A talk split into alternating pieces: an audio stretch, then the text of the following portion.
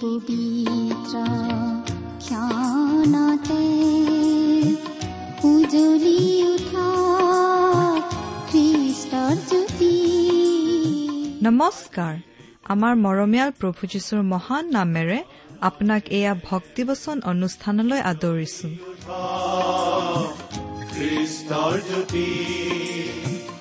আকাশ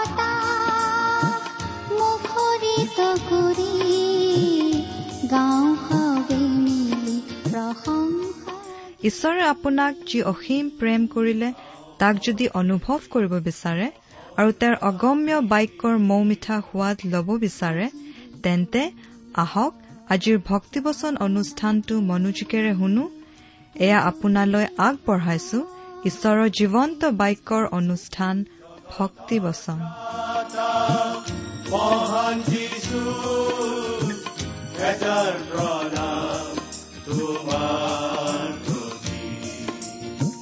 গ্ৰহণ কৰাই ভক্তি বচন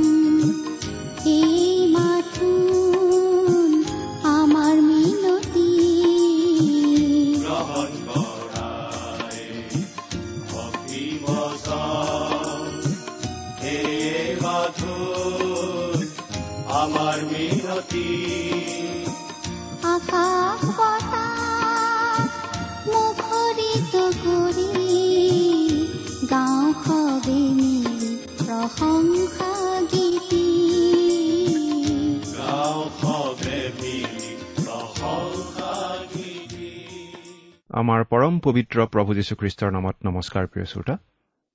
আশা কৰোঁ আপুনি ভালে কুশলে আছে। লগতে এইটোও আশা কৰিছোঁ যে আপুনি আমাৰ এই অনুষ্ঠান নিয়মিতভাৱে শুনি আছে। এই বাইবেল অধ্যয়নৰ অনুষ্ঠান আমি অতি আগ্ৰহেৰে প্ৰস্তুত কৰোঁ। আমাৰ শ্ৰোতাসকলৰ মংগল হওক বুলিয়েই। আৰু এই অনুষ্ঠান প্ৰস্তুত কৰোঁতে বিভিন্নজনে বিভিন্ন ধৰণৰ অৰিহণা যোগায়। উদ্দেশ্য কিন্তু এটাই শ্ৰোতাসকলৰ সেৱা কৰা। সেইবাবেই আমি শ্ৰোতাসকলৰ পৰা চিঠি পত্ৰ পাবলৈ খুব ইচ্ছা কৰোঁ। কাৰণ আমি জানিব বিচাৰোঁ আমাৰ এই বিনম্ৰ প্ৰচেষ্টাই আমাৰ মৰমৰ শ্ৰোতাসকলক উপকৃত কৰিছেনে নাই সেই কথা। সেইবাবেই আমি সদায় আপোনালোকক অনুৰোধ জনাওঁ আমালৈ চিঠি লিখক বুলি। প্ৰিয় শ্ৰোতা আপুনি বাৰু কেতিয়াবা আমালৈ চিঠি লিখিছেনে? অনুগ্ৰহ কৰি দুষাৰিমান লিখি পঠিয়াবচোন। আমাৰ ঠিকনা ভক্তিবচন টি ডব্লিউ আৰ ইণ্ডিয়া ডাক বাকচ নম্বৰ সাত শূন্য গুৱাহাটী সাত আঠ এক শূন্য শূন্য এক। ভক্তিবচন T W R India post box number seventy Guwahati seven eight one zero' zero' one. আমাৰ website W W W dot radio' eight eight two dot com প্ৰিয় শ্ৰোতা আপুনি বাৰু আমাৰ এই ভক্তিবচন অনুষ্ঠান নিয়মিতভাৱে শুনি আছেনে? যদিহে আপুনি আমাৰ এই অনুষ্ঠানৰ নিয়মীয়া শ্ৰোতা তেন্তে আপুনি নিশ্চয় জানে যে আমি আজি কিছুদিন ধৰি বাইবেলৰ নতুন নিয়ম খণ্ডৰ জোহনৰ প্ৰথম পত্ৰ নামৰ পুস্তকখন অধ্যয়ন কৰি আছো। আমি এই পুস্তকখনৰ অধ্যয়ন আৰম্ভ কৰা বহুদিন হৈ গ'ল আৰু যোৱা অনুষ্ঠানত আমি এই প্ৰথম জোহন পুস্তকৰ পাঁচ নম্বৰ অধ্যায়ৰ বাৰ নম্বৰ পদলৈকে আলোচনা আগবঢ়াইছিলো। আজিৰ অনুষ্ঠানত আমি এই প্ৰথম জোহন পুস্তকখনৰ অধ্যয়নৰ সামৰণি মাৰিব খুজিছো। আমি আজি পাঁচ নম্বৰ অধ্যায়ৰ তেৰ নম্বৰ পদৰ পৰা আলোচনা আৰম্ভ কৰি এই প্ৰথম জোহন পুস্তকৰ অধ্যয়ন সামৰিব খুজিছো। আহকচোন।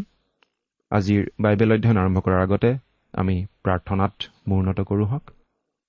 স্বৰ্গত থকা আমাৰ অসীম দয়ালু পিতৃ ঈশ্বৰ এই ভক্তিবচন অনুষ্ঠানৰ জৰিয়তে আকৌ এবাৰ তোমাৰ বাক্য আলোচনা কৰিবলৈ আমাক এই সুবিধা দিয়াৰ বাবে তোমাক অশেষ ধন্যবাদ জনাওঁ। প্ৰভু আমি তোমাৰ বাক্য বুজাই দিয়া দূৰৰ কথা তোমাৰ নাম লোৱাৰেই যোগ্য নহওঁ। তোমাৰ নিচিনা পবিত্ৰ ঈশ্বৰৰ আগত আমি মূৰ তুলিবৰেই যোগ্য নহওঁ। কিন্তু একমাত্ৰ তোমাৰ অনুগ্ৰহ তোমাৰ প্ৰেম আৰু কৰুণাতেই আমি চলি আছো। তুমিয়েই আমাক শিকোৱা প্ৰভু তুমিয়েই আমাক কথা কোৱা। তোমাৰ বাক্যৰ নিগূঢ় তত্ত্ব আমাক অতি সহজ সৰলভাৱে দেখুৱাই দিয়া। যাতে আমি তোমাৰ মাত শুনিবলৈ পাওঁ যাতে আমি তোমাক লগ পাওঁ। যিসকল শ্ৰোতাই এই অনুষ্ঠান শুনাৰ দ্বাৰা তোমাৰ বাক্য বুজিবলৈ আগ্ৰহ প্ৰকাশ কৰিছে তেওঁলোক প্ৰতিজনকে তুমি বিশেষভাৱে কথা কোৱা। প্ৰভু এই অনুষ্ঠান সফল কৰিবলৈ দেহে কেহে লাগি থকা প্ৰতিজন ব্যক্তিক তুমি উপচি পৰাকৈ আশীৰ্বাদ কৰা। তোমাৰ বাক্যৰ সৌৰভ চাৰিওফালে বিয়পাই দিয়া। ত্ৰাণকৰ্তা প্ৰভু যীশুখ্ৰীষ্টৰ নামত এই প্ৰাৰ্থনা আগবঢ়ালো। আহকচোন প্ৰিয় শ্ৰোতা এতিয়া আমাৰ বাইবেল অধ্যয়নৰ পিনে আগবাঢ়ি যাওঁ। যোৱা অনুষ্ঠানত আমি প্ৰথম জোহন পুস্তকৰ পাঁচ নম্বৰ অধ্যায়ৰ বাৰ নম্বৰ পদলৈকে আমাৰ আলোচনা আগবঢ়াইছিলো আৰু বিশেষভাৱে আলোচনা কৰিছিলো পৰিত্ৰাণৰ নিশ্চয়তাৰ কথা। আৰু আজিৰ অনুষ্ঠানত আমি এই প্ৰথম জোহন পুস্তকৰ পাঁচ নম্বৰ অধ্যায়ৰ তেৰ নম্বৰ পদৰ পৰা একেবাৰে শেষৰটো পদলৈকে পঢ়ি আমাৰ আলোচনা আগবঢ়াম আৰু এই পুস্তকৰ অধ্যয়নৰ সামৰণি মাৰিম। যোৱা অনুষ্ঠানত আমি বিশেষকৈ যিখিনি কথা আলোচনা কৰিছিলো সেই কথাখিনি আমি আকৌ অলপ মনত পেলাই ল'ব খুজিছো। আমি আলোচনা কৰি অহা কথাখিনি থুলমূলকৈ এনেকুৱা ধৰণৰ আমি মানুহে কোৱা কথাও প্ৰায়েই বিশ্বাস কৰোঁ। মানুহ মিছলীয়া বুলি আমি জানো তথাপি আমি মানুহৰ কথাও গ্ৰহণ কৰোঁ। যদি আমি মানুহে দিয়া সাক্ষ্যই গ্ৰহণ কৰোঁ তেন্তে ঈশ্বৰে দিয়া সাক্ষ্য কিমান গুণে অধিক বিশ্বাসযোগ্য? কাৰণ ঈশ্বৰে মিছা কথা নকয়। গতিকে ঈশ্বৰে দিয়া সাক্ষ্য অধিক বিশ্বাসযোগ্য। ঈশ্বৰে দিয়া সাক্ষ্য এই যে তেওঁ আমাক অনন্ত জীৱন দিছে। সকলো মানৱৰ বাবে তেওঁ অনন্ত জীৱনৰ আশীৰ্বাদ আগবঢ়াইছে। সেই অনন্ত জীৱন তেওঁৰ পুত্ৰত আছে। অৰ্থাৎ যীচুতেই সেই অনন্ত জীৱন আছে। যি মানুহে পুত্ৰক পালে অৰ্থাৎ যীশুখ্ৰীষ্টক ত্ৰাণকৰ্তা বুলি গ্ৰহণ কৰিলে সেই মানুহে অনন্ত জীৱন পালে। কিন্তু যি মানুহে পুত্ৰক পোৱা নাই তেওঁৰ অনন্ত জীৱন নাই। এইখিনি কথা অতি স্পষ্টভাৱে বাইবেলত কোৱা হৈছে। এই কথাখিনি ইমান সহজ সৰল ভাষাৰে ইমান চিধা চিধি আমাক কোৱা হৈছে যে আনকি অতি কম বয়সীয়া শিশু এটাইও এই কথাখিনি বুজি পাব পাৰে। যদি আমি যীচুক গ্ৰহণ কৰিছো তেন্তে আমি অনন্ত জীৱন পালো। এই কথাটোত আমাৰ একো সন্দেহ নাই। থকাটো উচিত নহয়। কাৰণ এয়া ঈশ্বৰে কোৱা কথা। ঈশ্বৰে দিয়া সাক্ষ্য। ঈশ্বৰে কেতিয়াও মিছা কথা নকয়। যদিহে আমি ঈশ্বৰে কোৱা কথা বিশ্বাস নকৰোঁ তেন্তে আমি ঈশ্বৰক মিছলীয়া বুলি কোৱাৰ নিচিনা হয়। অৰ্থাৎ খ্ৰীষ্টক ত্ৰাণকৰ্তা বুলি গ্ৰহণ নকৰা মানে ঈশ্বৰক মিছলীয়া বুলি কোৱাৰ নিচিনা হয়। সেইকাৰণে আমি ক'ব পাৰোঁ যে শেষ বিচাৰৰ দিনা খ্ৰীষ্টক অগ্ৰাহ্য কৰা লোকসকলৰ কাৰণে এই কথাটোৱেই সকলোতকৈ ডাঙৰ দুখ বুলি গণ্য কৰা হ'ব। কাৰণ তেওঁলোকে ঈশ্বৰক মিছলীয়া বুলি ক'লে। খ্ৰীষ্টই হৈছে মানৱৰ ত্ৰাণকৰ্তা। মানৱৰ মুক্তিৰ বাবে ঈশ্বৰে আগবঢ়োৱা উপায়। তেওঁ অপূৰ্ব। মানৱ ৰূপত আত্মপ্ৰকাশ কৰা ঈশ্বৰ। তেওঁৱেই আমাক সকলোকে উদ্ধাৰ কৰিব পাৰে। তেওঁ অদ্বিতীয়। তেওঁৰ নিচিনা আৰু কোনো নাই। তেওঁৱেই ঈশ্বৰৰ একেজাত পুত্ৰ। তেওঁ ক্ৰুচৰ ওপৰত নিজৰ অমূল্য তেজ বোৱালে আপোন প্ৰাণ দিলে কাৰণ একমাত্ৰ তেওঁৱেই আমাৰ সকলোৰে পাপৰ বেচ দিব পাৰে। কেৱল তেওঁহে সকলো মানৱৰ পাপৰ প্ৰায়চিত্ৰ কৰিব পাৰে। তেওঁ কবৰস্থ হ'ল কিন্তু তৃতীয় দিনা পুনৰ জি উঠিল কাৰণ তেওঁ ঈশ্বৰ। তেওঁ এতিয়া স্বৰ্গত পিতৃ ঈশ্বৰৰ সোঁহাতে বহি আছে আমাৰ বাবে নিবেদন কৰি আছে আমাৰ হকে ওকালতি কৰি আছে। তেওঁ জীৱন্ত খ্ৰীষ্ট। আপুনি বাৰু তেওঁক আপোনাৰ ত্ৰাণকৰ্তা হিচাপে গ্ৰহণ কৰিছেনে? একমাত্ৰ এই প্ৰশ্নটোৰেই আপুনি উত্তৰ দিব লাগিব। যদি আপুনি তেওঁক পালে আপুনি অনন্ত জীৱন পালে আপুনি পৰিত্ৰাণ পালে।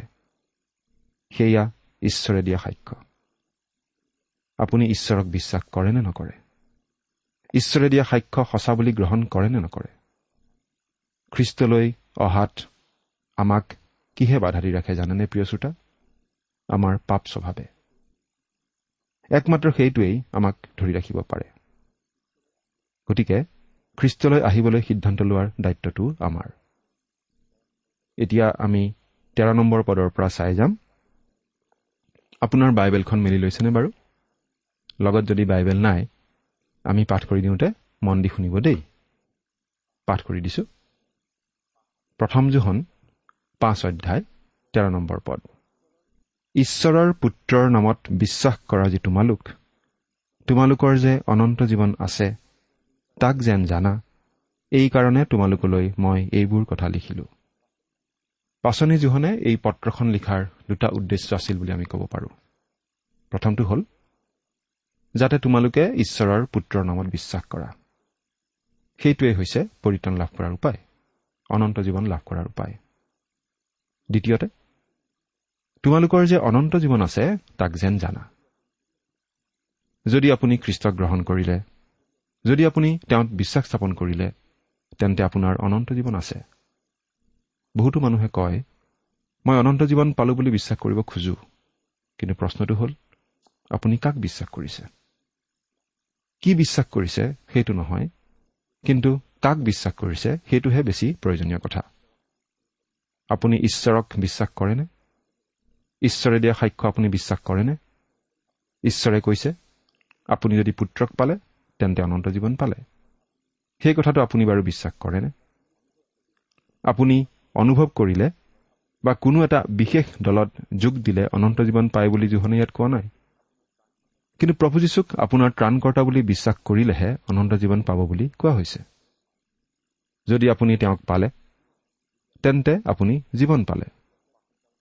পাচনি জোহনে এইকাৰণেই এই পত্ৰখন লিখিলে তোমালোকৰ যে অনন্ত জীৱন আছে তাক যেন জানা।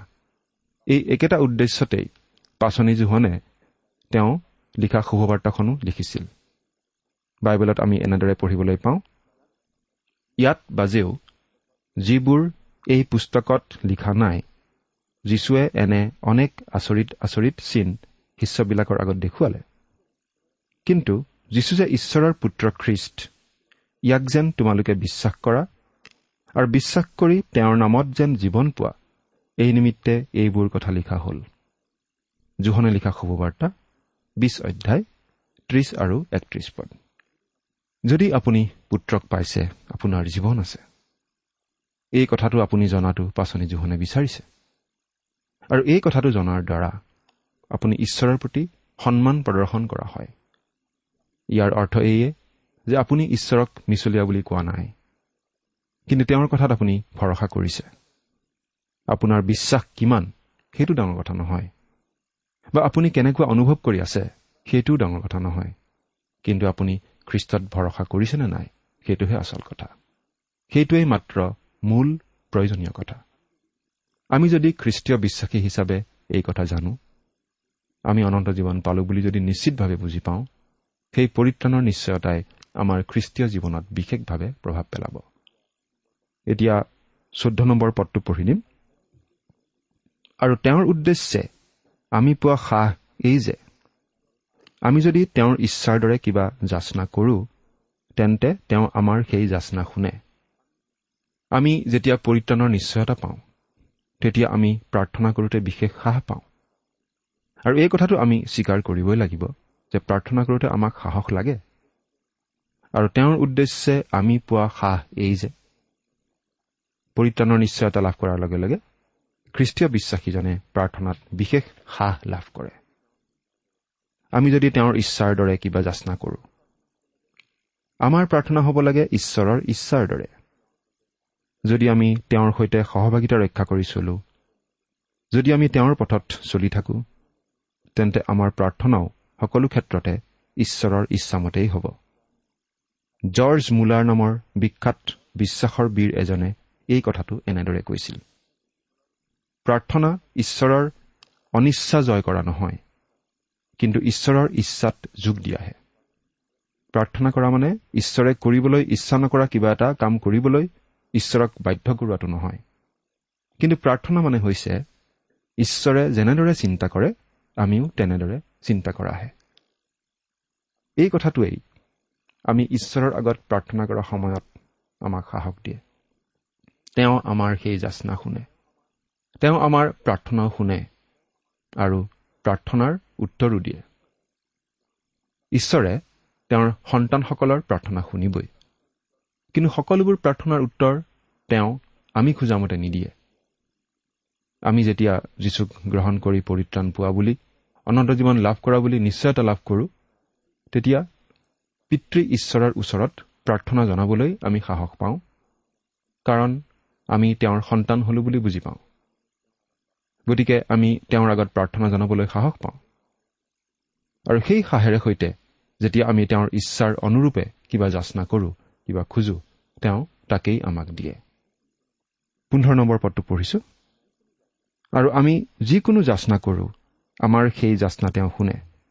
ইয়াকে যদি জানো তেন্তে তেওঁত যি যি যাচনা কৰিলো সেই সকলোকে পালো বুলি আমি জানো। আমাৰ যে এজন স্বৰ্গত থকা পিতৃ আছে সেই কথাটো জানিব পৰাটো কি যে সুন্দৰ কথা। আমি যদি তেওঁৰে সৈতে সহভাগিতা ৰক্ষা কৰিছিলো যদি আমি আমাৰ জীৱনত পাপক স্থান দিয়া নাই। আৰু আমাৰ জীৱনত যদি আন একো কথাই প্ৰাৰ্থনাৰ ক্ষেত্ৰত বাধাস্বৰূপ হোৱা নাই তেনেহলে আমি নিশ্চয় স্বাৰ্থপৰভাৱে প্ৰাৰ্থনা নকৰিম। যেতিয়া আমি পিতৃ ঈশ্বৰৰ সৈতে সহভাগিতা ৰক্ষা কৰি চলো যেতিয়া আমি তেওঁক অনুকৰণ কৰি চলি থাকো তেতিয়া আমি এই ক্ষেত্ৰত নিশ্চিত হ'ব পাৰোঁ যে তেওঁ আমাৰ প্ৰাৰ্থনা শুনিব আৰু আমি খোজামতেই আমাৰ প্ৰাৰ্থনাৰ উত্তৰ দিব। আমি অবিশ্বাস বা সন্দেহপূৰ্ণ মনেৰে পিতৃ ঈশ্বৰৰ ওচৰলৈ অহা উচিত নহয়। বা হয়তো ভিক্ষা কৰাৰ মনোভাৱেৰেও আহিব নালাগে কিন্তু আমি আহিব লাগে সাহসেৰে কেৱল ঈশ্বৰৰ ইচ্ছামতে যাচনা কৰিবৰ বাবে। এতিয়া ষোল্ল নম্বৰ পদটো পঢ়ি দিম। কোনোৱে যদি নিজ ভাইক মৃত্যুজনক নোহোৱা পাপ কৰা দেখে তেন্তে তেওঁ যাচনা কৰিব আৰু তেওঁক অৰ্থাৎ মৃত্যুজনক নোহোৱা পাপ কৰা লোকক জীৱন দিব। মৃত্যুজনক পাপ আছেই। তাৰ বিষয়ে নিবেদন কৰিবলৈ মই নকওঁ। ইয়াত মৃত্যু মানে শাৰীৰিক মৃত্যুৰ কথাহে বুজোৱা হৈছে। আম্মিক মৃত্যুৰ কথা কোৱা হোৱা নাই। আম্মিক মৃত্যুৰ কথা কোৱা হোৱা নাই বুলি আমি এইকাৰণেই ক'ব পাৰোঁ কাৰণ খ্ৰীষ্টত বিশ্বাস কৰি ঈশ্বৰৰ সন্তান হোৱালোকে অনন্ত জীৱন লাভ কৰে। আচলতে ইয়াত এই কথাটোহে কোৱা হৈছে যে ঈশ্বৰৰ সন্তানজনে এনেকুৱা এটা পাপ কৰিব পাৰে যিটো পাপৰ কাৰণে ঈশ্বৰে তেওঁক ঘৰলৈ মাতি নিব পাৰে। অৰ্থাৎ ঈশ্বৰে তেওঁক শাৰীৰিকভাৱে মৃত্যুবৰণ কৰোৱাব পাৰে। হয়তো সেই পাপৰ কাৰণে সেই খ্ৰীষ্টীয় বিশ্বাসীজনৰ যোগেদি ঈশ্বৰৰ নামত কলংক সনাৰ নিচিনা হ'ব পাৰে। ঈশ্বৰৰ বদনাম হোৱাৰ আশংকা থাকে। তেতিয়া ঈশ্বৰে তেনেকুৱা পাপত লিপ্ত থকা খ্ৰীষ্টীয় বিশ্বাসীজনক আৰু পৃথিৱীত জীয়াই থাকিবলৈ নিদি পৃথিৱীৰ পৰা লৈ যাব পাৰে। আমি শাস্ত্ৰত এনেদৰে মৃত্যুজনক পাপ কৰা ব্যক্তি কিছুমানৰ উদাহৰণ পাওঁ। মুচি আৰু হাৰুণেও এনে কাম কৰিছিল। আমি এই বিষয়ে আলোচনা কৰি আহিছো যে যেতিয়া ইছৰাইলৰ লোকবোৰে অনবৰতে পানী খুজি খুজি আমনি কৰিব ধৰিছিল তেতিয়া মুচিৰ খং উঠিছিল। আৰু ঈশ্বৰে তেওঁক সেই শিলটোক কথা কবলৈহে দিছিল কিন্তু মুচিয়ে শিলটোত দুবাৰকৈ প্ৰহাৰ কৰিছিল। আচলতে সেই শিলটো স্পৰ্শ কৰিবই নালাগিছিল। শিলটো আগতে এবাৰ খুন্দিওৱা হৈছিল আৰু মুচিয়ে সেই কথাটোতেই ভৰসা কৰিব লাগিছিল। সেই শিলটো আচলতে আহিবলগীয়া খ্ৰীষ্টৰ প্ৰতীকস্বৰূপ হ'ব লাগিছিল। সেই বিষয়ে পাচনি পৌলে এনেদৰে লিখিছে কিয়নো তেওঁবিলাকৰ পাছে পাছে চলা আম্মিক শিলৰ পৰা তেওঁবিলাকে পাণ কৰিছিল। সেই শিলেই খ্ৰীষ্ট। প্ৰথম কৰিন্ঠিয়া দহ অধ্যায় চাৰি নম্বৰ পদ। খ্ৰীষ্টই ক্ৰুচৰ ওপৰত মাত্ৰ এবাৰেই মৃত্যুবৰণ কৰিছিল। গতিকে মুচিয়ে শিলটো দুবাৰ খুন্দিয়াই সেই কথাটো অৱমাননা কৰাৰ নিচিনা হৈছিল। সেইবাবে প্ৰভুৱে মুচি আৰু হাৰুণক এনেদৰে কৈছিল। পাছে জিহুৱাই মুচি আৰু হাৰুণক কলে তোমালোকে ইছৰাইলৰ সন্তানবিলাকৰ আগত মোক পবিত্ৰ কৰিবলৈ মুঠ দৃঢ়ৰূপে বিশ্বাস নকৰিলা। এই হেতুকে মই এই সমাজক দিয়া দেশত তোমালোকে তেওঁবিলাকক নুসুমুৱাবা। গণনা পুস্তক বিছ অধ্যায় বাৰ নম্বৰ পদ। অৱশ্যে মুচিয়ে ঈশ্বৰৰ ওচৰত ক্ষমা প্ৰাৰ্থনা কৰিছিল আৰু তেওঁক প্ৰতিজ্ঞাৰ দেশত প্ৰৱেশ কৰিবলৈ অনুমতি দিবলৈ অনুৰোধ জনাইছিল। কিন্তু ঈশ্বৰে তেওঁক জনাইছিল তোমাক মই ইছৰাইলৰ নেতা হৈ থাকিবলৈ দিছো। কিন্তু তোমাক প্ৰতিজ্ঞাৰ দেশত সোমাবলৈ নিদিম। মুচিয়ে এই বিষয়ে অনুৰোধ জনাই থকাত ঈশ্বৰে এনেদৰে জনাই দিছিল কিন্তু জিহুৱাই তোমালোকৰ কাৰণে মোলৈ ক্ৰুদ্ধ হৈ মোৰ কথা নুশুনি মোক কলে। তোমাৰ পক্ষে এয়েই যথেষ্ট এই বিষয়ে আৰু মোক কথা নকবা। দ্বিতীয় বিৱৰণ তৃতীয় অধ্যায় ছাব্বিছ পদ। মুচি আৰু হাৰুণ উভয়ে মৃত্যুজনক পাপ কৰিছিল শাৰীৰিক মৃত্যু। নতুন নিয়মত আমি এটা বিশেষ উদাহৰণ পাওঁ অননীয় আৰু চফিৰাৰ কথা। তেওঁলোক আদি মণ্ডলীৰ সভ্য সভ্যা আছিল। কিন্তু তেওঁলোকে এটা গুৰুতৰ মিছা কথা কোৱা কাৰণে দুয়োৰো মৃত্যু ঘটিছিল। এই কথাটো আমি পাচনিৰ কৰ্ম পাঁচ নম্বৰ অধ্যায়ৰ একৰ পৰা এঘাৰ পদলৈ পঢ়িলে জানিব পাৰোঁ। এনেকুৱা আৰু কিছুমান উদাহৰণ আমি বাইবেলত পাওঁ। খ্ৰীষ্টীয় বিশ্বাসীয়ে খ্ৰীষ্টত বিশ্বাস কৰি অনন্ত জীৱন পায়। আম্মিক মৃত্যু আৰু নহয়। কিন্তু কিছুমান গুৰুতৰ পাপ কৰিলে ঈশ্বৰে খ্ৰীষ্টীয় বিশ্বাসীক শাৰীৰিক মৃত্যুবৰণ কৰাব পাৰে। এতিয়া সোতৰ নম্বৰ পদটো পঢ়ি দিম। সকলো অধৰ্মেই পাপ আৰু মৃত্যুজনক নোহোৱা পাপো আছে। সকলো ধৰণৰ অধাৰ্মিকতাই পাপ। কিন্তু সকলো পাপেই মৃত্যুজনক পাপ নহয়। ওঠৰ নম্বৰ পদটো পঢ়িম। আমি জানো যে যিকোনো ঈশ্বৰৰ পৰা জন্ম পোৱা হয় তেওঁ পাপ নকৰে। কিন্তু ঈশ্বৰৰ পৰা জন্ম পোৱা জনাই নিজকে ৰাখে আৰু পাপ আত্মাই তেওঁক স্পৰ্শ নকৰে। ঈশ্বৰৰ পৰা জন্ম পোৱা জনে পাপ আচৰণ নকৰে। কেতিয়াবা পাপত পতিত হলেও আকৌ উঠিবই। পাপত থাকি আৰু খ্ৰীষ্টীয় বিশ্বাসীজনে কেতিয়াও ভাল নাপায়। কেতিয়াও পাপ কৰি ভাল নাপায়। খ্ৰীষ্টীয় বিশ্বাসীসকলক আচলতে পিতৃ ঈশ্বৰে বিশেষ প্ৰতিৰক্ষা প্ৰদান কৰে। আৰু ছয়তানে কেতিয়াও খ্ৰীষ্টীয় বিশ্বাসীজনক ঈশ্বৰৰ হাতৰ পৰা কাঢ়ি নিব নোৱাৰে। সেই ক্ষমতা সেই শক্তি ছয়তানৰ নাই। অৰ্থাৎ খ্ৰীষ্টীয় বিশ্বাসীজনে খ্ৰীষ্টত বিশ্বাস কৰি যি অনন্ত জীৱন লাভ কৰে সেই অনন্ত জীৱন তেওঁ কেতিয়াও নেহেৰুৱায়। শাৰীৰিক মৃত্যু হ'ব পাৰে কিন্তু আত্মিক মৃত্যু আৰু নঘটে। খ্ৰীষ্টীয় বিশ্বাসীজনক ছয়তানে অনিষ্ট কৰিব নোৱাৰে। কাৰণ প্ৰথম জোহন চাৰি অধ্যায় চাৰি পদত আমি এই বুলি পঢ়িছিলো হে বোপাহঁত তোমালোক হলে ঈশ্বৰৰ। আৰু তোমালোকে সেইবিলাকক জয় কৰিলা। কিয়নো জগতত থকা জনতকৈ তোমালোকত থকা জনাই মহান। জগতত থকা জনতকৈ অৰ্থাৎ ছয়তানতকৈ আমাত অৰ্থাৎ খ্ৰীষ্টীয় বিশ্বাসীসকলত থকা জনা অৰ্থাৎ প্ৰভু যীশুখ্ৰীষ্ট মহান। গতিকে খ্ৰীষ্টীয় বিশ্বাসীজনক ছয়তানে একো অনিষ্ট কৰিব নোৱাৰে। এই কথা আমি প্ৰতিজন খ্ৰীষ্টীয় বিশ্বাসীয়ে মনত ৰখা উচিত। এতিয়া ঊনৈশ নম্বৰ পদটো পাঠ কৰি দিম।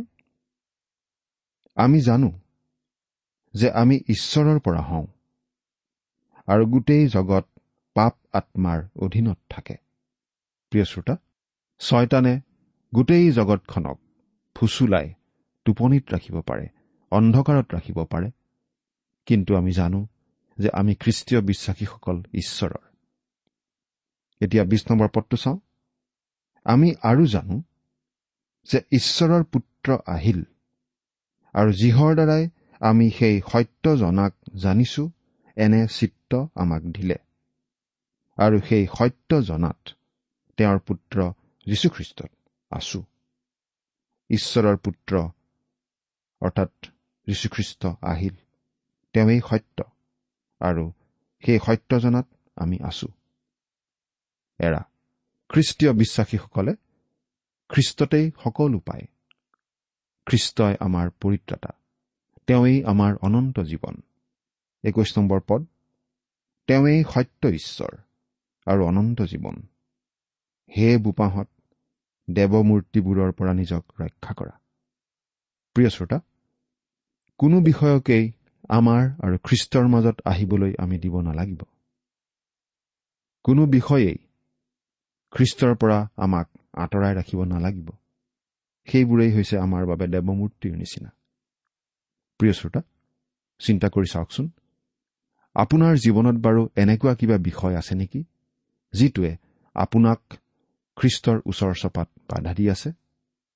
আপুনি বাৰু খ্ৰীষ্টকেই আপোনাৰ জীৱনত সকলোতকৈ অধিক প্ৰেম কৰিছেনে?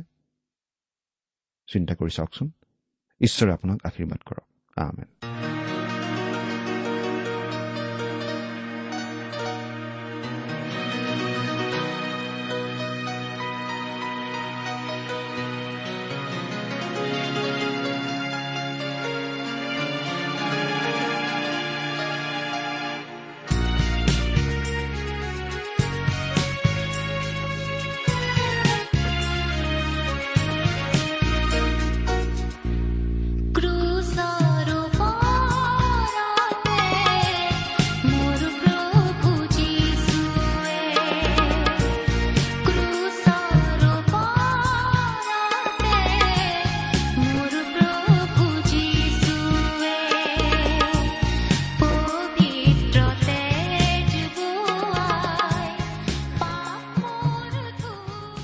পৰে আপুনি ভক্তিবচন অনুষ্ঠানটি শুনিলে।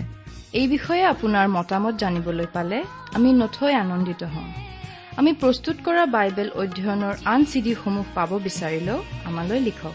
অনুষ্ঠানটি শুনি কেনে পালে আমালৈ চিঠি লিখি জনাবচোন। অনুষ্ঠানত প্ৰচাৰ কৰা কোনো কথা বুজিব লগা থাকিলেও আমালৈ লিখক। আমাৰ ঠিকনা?